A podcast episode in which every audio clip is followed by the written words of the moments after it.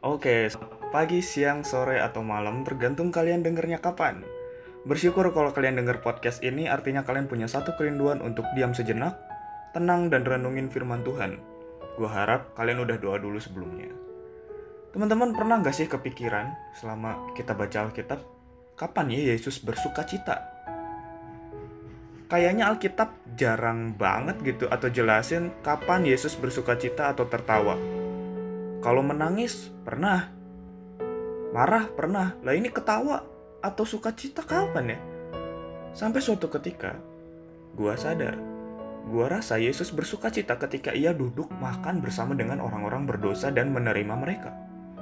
Salah satunya adalah di perikop yang kita akan baca ini, Lukas 15 ayat 11 sampai 24. Tapi gue bakal bacain dulu ayat yang pertama, oke? Okay? Para pemungut cukai dan orang-orang yang berdosa biasanya datang kepada Yesus untuk mendengarkan mereka. Sekarang di ayat 11 sampai 24. Yesus berkata lagi, ada seorang mempunyai dua anak laki-laki. Kata yang bungsu kepada ayahnya, "Bapa, berikanlah kepadaku bagian harta milik kita yang menjadi hakku." Lalu ayahnya membagi-bagikan harta kekayaan itu di antara mereka. Beberapa hari kemudian anak bungsu itu menjual seluruh bagiannya itu lalu pergi ke negeri yang jauh. Di sana ia memboroskan harta miliknya itu dengan hidup berfoya-foya. Setelah dihabiskannya semuanya timbullah bencana kelaparan di dalam negeri itu dan ia pun mulai melarat. Lalu ia pergi dan bekerja kepada seorang majikan di negeri itu. Orang itu menyuruhnya ke ladang untuk menjaga babinya. Lalu ia ingin mengisi perutnya dengan ampas yang menjadi makanan babi itu tetapi tidak seorang pun yang memberikannya kepadanya. Lalu ia menyadari keadaannya, katanya, betapa banyaknya orang upahan bapakku yang berlimpah-limpah makanannya. Tetapi aku di sini mati kelaparan. Aku akan bangkit dan pergi kepada bapakku dan berkata kepadanya, Bapa, aku telah berdosa terhadap sorga dan terhadap Bapa. Aku tidak layak lagi disebutkan anak Bapa. Jadikanlah aku sebagai salah seorang upahan Bapa. Maka bangkitlah ia dan pergi kepada bapaknya, setelah ia masih ketika ia masih jauh, ayah ketika ia ketika ia masih jauh, ayahnya telah melihatnya, lalu tergeraklah hatinya oleh belas kasihan. Ayahnya itu berlari mendapatkan dia lalu merangkul dan mencium dia. Kata anak itu kepadanya, Bapak, aku telah berdosa terhadap sorga dan terhadap Bapak. Aku tidak layak lagi disebutkan anak Bapak. Tetapi ayah itu berkata kepada hamba-hambanya, lekaslah bawa kemari jubah yang terbaik Pakaikanlah itu kepadanya dan kenakanlah cincin pada jarinya dan sepatu pada kakinya. Dan ambillah anak lembu tambun itu, sembelihlah dia dan marilah kita makan dan bersuka cita. Sebab anakku ini telah mati dan menjadi hidup kembali. Ia telah hilang dan didapat kembali. Maka mulailah mereka bersuka cita. Wait kok, kenapa lu bisa bilang Yesus bersuka cita di sini? Bersuka cita kenapa dia? Sabar. Teman-teman, perumpamaan ini sering banget kita dengar. Anak yang hilang. Di awal pasal 15 tadi, kita dikasih tahu sesuatu kenapa Yesus harus pakai ilustrasi ini. Harus pakai perumpamaan ini. Pemungut cukai dan orang-orang berdosa biasanya datang kepada Yesus untuk mendengarkan dia. Dan bersungut-sungutlah orang Farisi dan ahli-ahli Taurat. Loh, loh, loh, loh, loh, loh. Kenapa? Kok bisa bersungut-sungut atau marah-marah? Guys, pemungut cukai adalah orang-orang yang dibenci di Israel. Contohnya Zakheus atau Matius. Mereka adalah orang-orang Yahudi yang tugasnya ngumpulin pajak dari masyarakat terus dikasihin ke Roma, penjajah mereka. Lalu pajak ini diberatin sama mereka. Mungkin dibikin lebih mahal biar mereka bisa dapat untung juga buat kepentingan pribadi. Ditambah mereka ini kan narik pajak buat Roma, buat musuh yang menjajah, ya pasti pemungut cukai ini dianggap musuh dong. Bayangin aja gimana gedeknya orang Israel ngelihat sam ngelihat pemungut cukai gitu. Lu udah dijajah, eh bangsa lu sendiri, orang-orang dari bangsa lu sendiri malah mihak penjajah. Bantu mereka narikin pajak. Dan gak cuman itu, narik pajaknya itu juga gak adil dan bisa sangat kejam. Gila, gimana gak dibenci tuh pemungut cukai? Tapi Yesus kok malah ketemu mereka? Pantesan orang-orang Farisi sana ahli toilet gedek banget. Yesus kan famous nih dulu. Influence-nya banyak banget. Gede banget waktu itu. Dan ngobrol sama mereka. sama pemungut cukai dan orang-orang berdosa, apa nggak disangka persekongkolan? Terus Yesus menjawab sungut-sungut itu dengan kasih tiga perumpamaan dan kita bahas perumpamaan yang ketiga. Sering banget kita dengar perumpamaan anak yang hilang, teman-teman. Bahkan ya di drama atau di panggung boneka kita sering dengar, sering peranin juga bahkan. Jadi gue nggak akan jelasin lebih rinci deh. Tapi kenapa Yesus kasih perumpamaan itu? Biar mereka bisa refleksiin sesuatu. Anak bungsu yang kurang ajar sama orang tuanya minta duit warisan, kabur, eh terus melarat, menjadi penjaga babi. Dia terhilang dari keluarganya yang baik. Hingga akhirnya si anak kurang ajar ini yang terhilang itu balik ke rumah.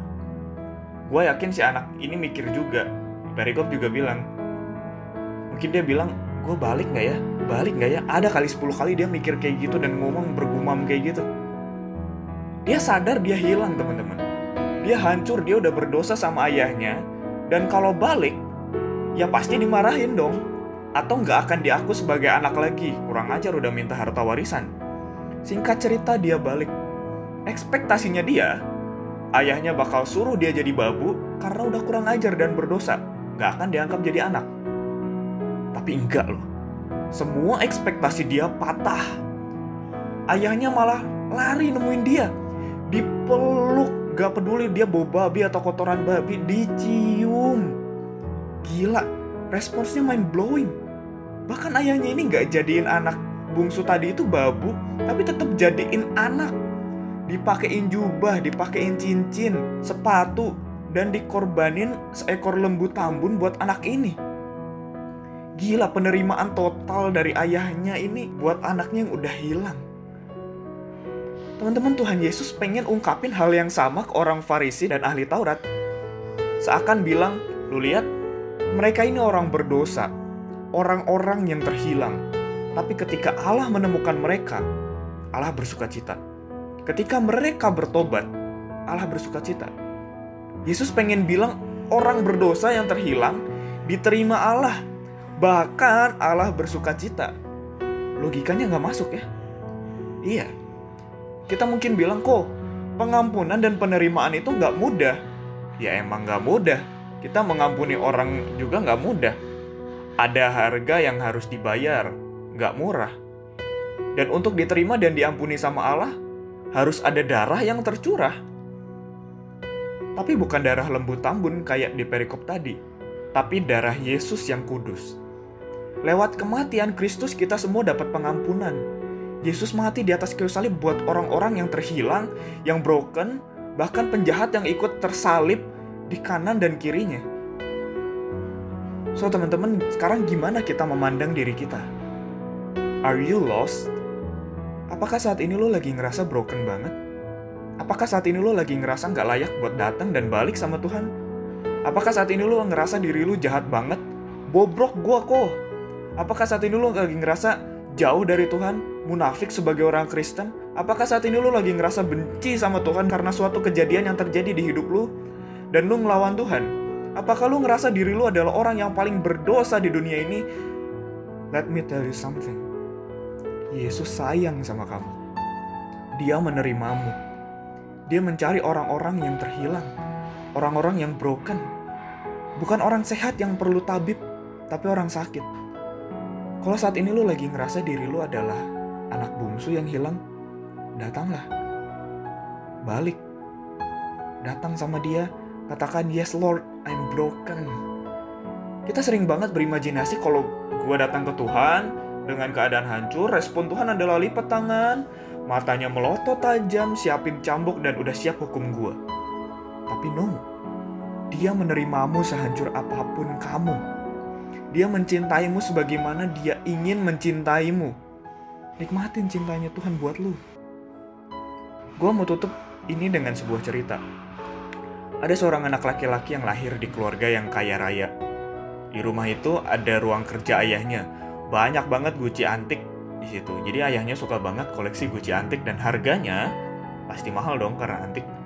Suatu hari, seperti biasa sang ayah pergi ke kantornya dia Si anak di rumah akhirnya mulai kebosanan, kesepian. Mulai deh, dia main bola di dalam rumah, ditendang-tendang, dilempar-lempar. Mamanya udah ingetin hati-hati kalau main di rumah sambil nyapu ruang kerja ayahnya, mama bilang gitu. Iya, si anak jawab. Tapi tetap aja si anak main bola dalam rumah sampai suatu ketika bolanya itu masuk ke ruang kerja ayahnya dan kedengaran bunyi tang. Si anak panik, makanya mulai pucat. Dia cepat-cepat lihat ruang kerja ayahnya, dia lari dan dia lihat ada satu guci antik yang pecah di lantai. Si anak mulai nggak tenang, dia nangis. Mamanya coba tenangin, udah nggak apa-apa nanti bilang aja sama papa. Tapi si anak tetap nangis, dia panik. Sepanjang hari mukanya pucat, takut ayahnya marah. Hari itu dia makan gak mood, padahal makanan hari itu adalah makanan kesukaannya dia dimasakin mama. Jam akhirnya mulai nunjuk ke angka 5 sore. Bentar lagi ayahnya pulang. Si anak makin panik. Tiba-tiba dia dengar langkah kaki dari luar. Pintu dibuka, ceklek. Ayah pulang. Suara ayahnya kedengeran. Anak ini langsung lari ke ayahnya. Dia peluk kaki ayahnya, dia nangis. Ayah aku salah, ayah jangan marah. Si anak, si ayah bingung baru pulang. Kenapa nih anaknya? Aku pecahin guci antik ayah. Harganya pasti mahal, tapi nggak apa-apa ayah. Ayah hukum aku aja. Anak ini ketakutan teman-teman. Dia takut si ayah lepasin ikat pinggangnya dan mulai cambuk dia. Mendengar hal itu, tangan si ayah mulai bergerak. Dia arahin tangannya ke anaknya. Terus dia peluk anak ini. Dihapus air matanya, diusap kepalanya. Gak apa-apa, itu cuman guci. Kamu gak apa-apa kan? Si anak kaget. Ayah gak marah. Semua ekspektasi dia hancur lihat respons ayahnya. Ayahnya jawab, enggak. Si anak akhirnya tenang. Dia bersuka cita, dia damai. Ayahnya terus gendong anak ini dan ajak makan malam bersama. Teman-teman, itulah hati yang juga Tuhan miliki ketika kita datang sama dia dengan segala kebobrokan kita.